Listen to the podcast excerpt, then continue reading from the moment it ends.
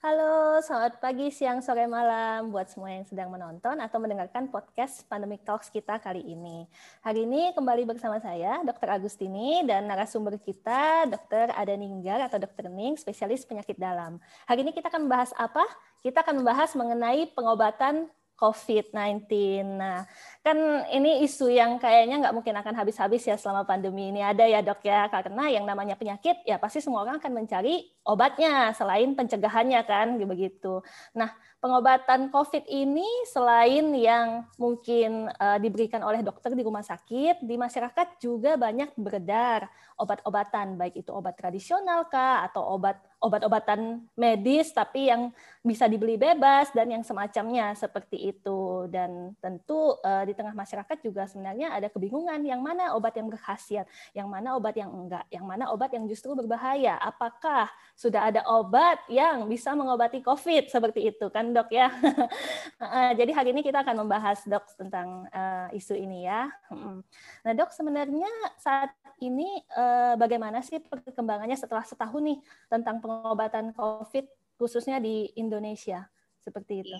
Oke, ini sudah mau setahun ya dokter Tini, tapi sampai sekarang mm. itu belum ada, belum ada obat yang terbukti efektif untuk mengobati COVID. Okay. Sayangnya begitu ya, baik dari suplemen, hmm. baik dari obat antivirus atau obat-obatan yang lain pun itu baru satu ada yang terbukti efektif mungkin dexamethasone pernah dengar ya, tapi okay. itu pun hanya untuk kondisi berat dan dexamethasone ini uh, ditelitinya pada orang-orang yang memang sudah di ICU ya, jadi nggak boleh okay. diberikan pada yang gejala ringan atau tanpa gejala karena dikatakan uh, efek sampingnya malah akan jauh lebih besar. Jadi baru satu itu yang terbukti efektif secara uji klinis ya.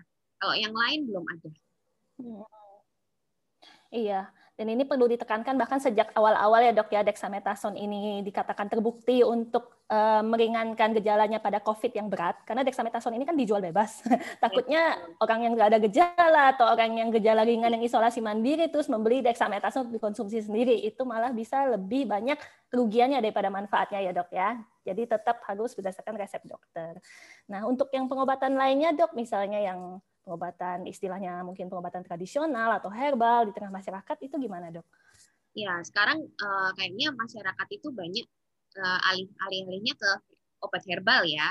Ya sebenarnya nggak okay. masalah ya dok ini ya karena kita di Indonesia ini kan kaya bahan-bahan alam terutama untuk obat-obat hmm. herbal. Cuman kita harus tahu juga obat-obat herbal ini tidak selalu lebih aman daripada obat-obat kimia atau obat-obat buatan hmm. pabrik. Jadi itu yang harus diingat. Tetap sama prosesnya obat-obat herbal ini atau komponen-komponen herbal ini sebelum menjadi obat, dia harus melewati uji ya, melewati penelitian dulu.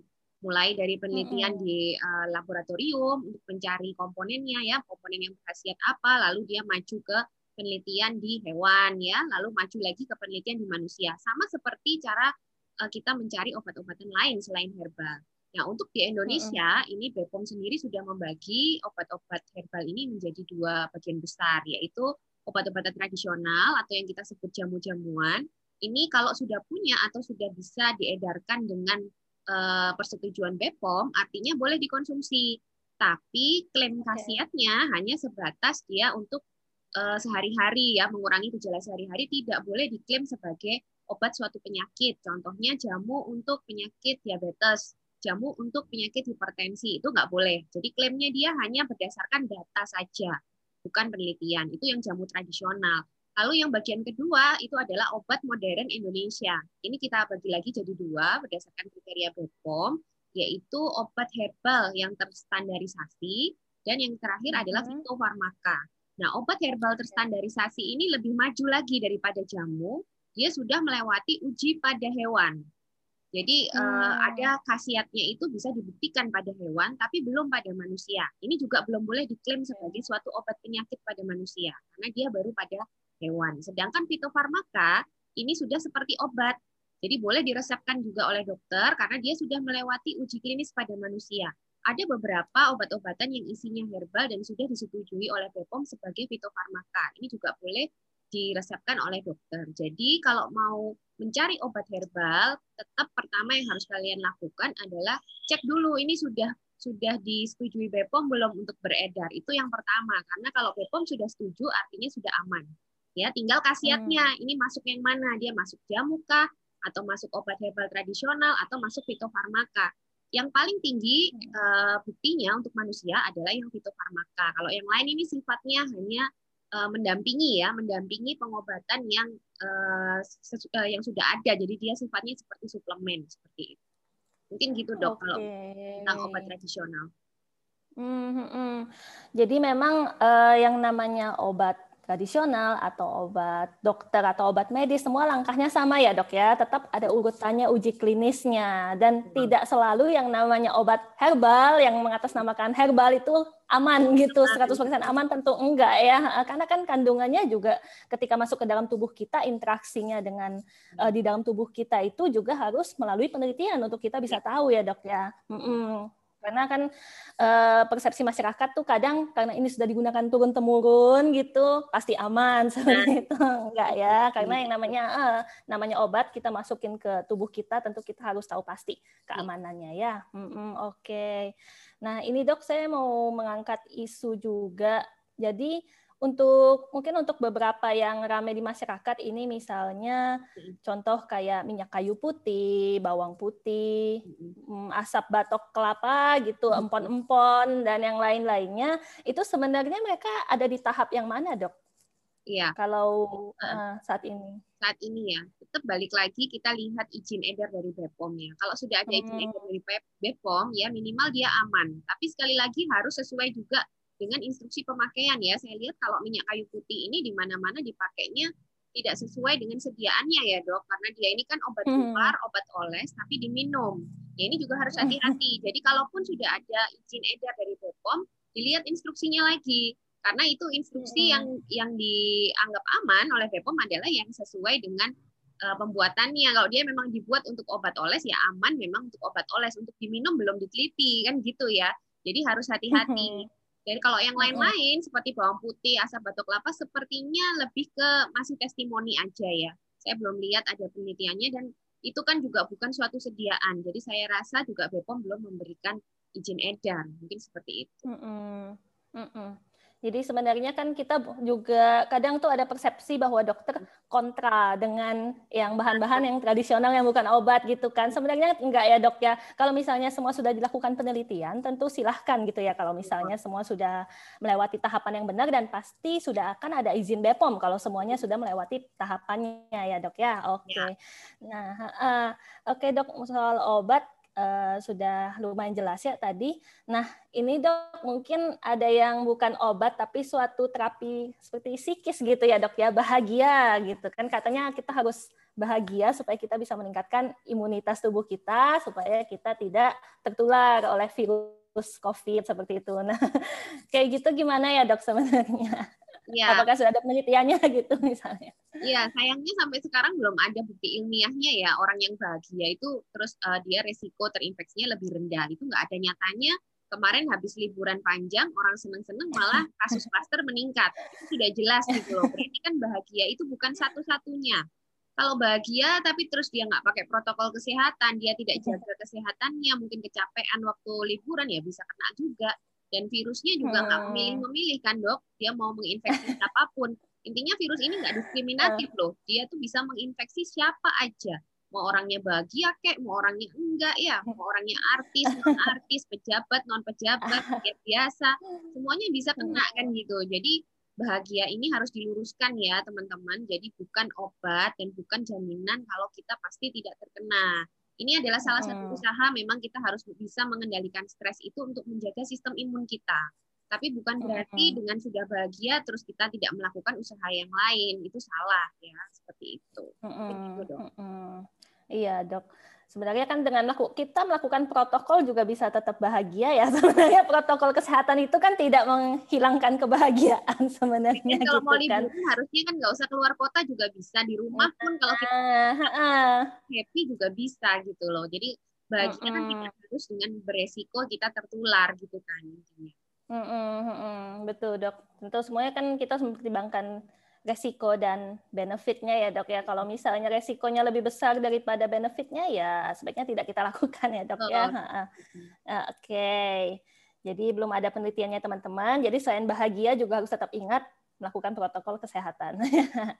nah ini uh, uh, kemudian dok yang juga sempat rame di mungkin lebih di WA grup ya dok ya. Hmm. Jadi ada beredar yang saya sempat lihat juga ada list gitu tentang obat-obat COVID-19 ini obat-obat yang diberikan oleh dokter pada salah satu pasien yang sempat dirawat di rumah sakit. Isinya hmm. macam-macam panjang saya lihat juga dan kemudian beredar eh, WA itu bahwa ya kalau misalnya terkena COVID gitu tidak perlu dirawat di rumah sakit, minum aja obat-obat seperti ini karena obat-obat ini adalah obat-obat yang diberikan kepada pasien COVID di rumah sakit. Hmm. Nah yang seperti itu bagaimana ya dok? Apakah boleh kita memakai obat-obat di daftar itu tanpa pemeriksaan dokter dulu gitu. Ya, oke okay, betul ya. Jadi obat-obatan yang ada di situ katanya dia niru obat-obatan salah satu pasien yang dirawat. Itu artinya kalau pasien hmm. itu dirawat kemungkinan kondisinya tidak ringan ya, minimal sedang uh -huh. ya. Dan itu hmm. uh, obat-obatan yang di situ memang adalah obat-obatan yang ada di pedoman tata laksana COVID. Tapi okay. uh, obat-obatan yang ada di pedoman tata laksana tidak serta merta kita berikan sama ke setiap orang ya, tergantung gejalanya ya, tergantung kondisi orangnya. Terus tergantung juga dia punya komorbid apa. Jadi tidak selalu semua itu bisa diberikan. Sangat-sangat individual sifatnya. Tapi memang obat-obatan yang ada di pedoman itu itu dianggap sudah melewati uh, kesepakatan ya, terutama dari para ahli karena memang sampai sekarang kita belum punya obat pastinya. Tapi itu adalah obat-obatan yang uh, istilahnya pertimbangan antara risiko dan manfaat sudah dibicarakan ya oleh ahli-ahli yang uh, terkait. Jadi itu yang kita pakai hmm. memang.